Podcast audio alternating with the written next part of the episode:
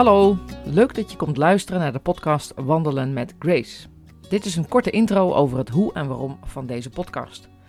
Mijn naam is Elsa Waljaard en deze podcast gaat over, hoe kan het ook anders, over wandelen.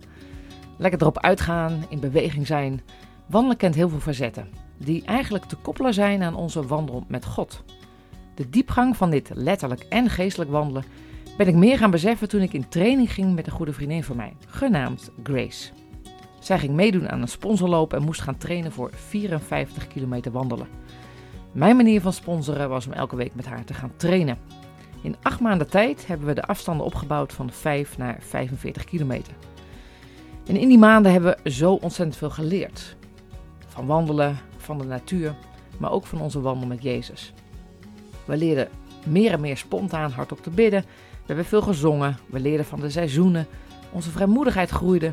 En de realiteit van onze wandel met Jezus, van mijn wandel met Jezus, heeft eigenlijk toen veel meer diepgang gekregen. En dat wil ik graag met jullie delen via persoonlijke verhalen en interviews met andere wandelaars. En Grace, zij heeft destijds de sponsorloop voltooid en is onlangs met haar man geëmigreerd naar Griekenland, waar zij werken op Lesbos in kamp Karatepe, oftewel Moria na de brand. Onze wandelwegen zijn helaas gescheiden, maar onze wandel met Jezus gaat gewoon door. En die is gevuld met genade, met grace. Vandaar de titel: Wandelen met Grace.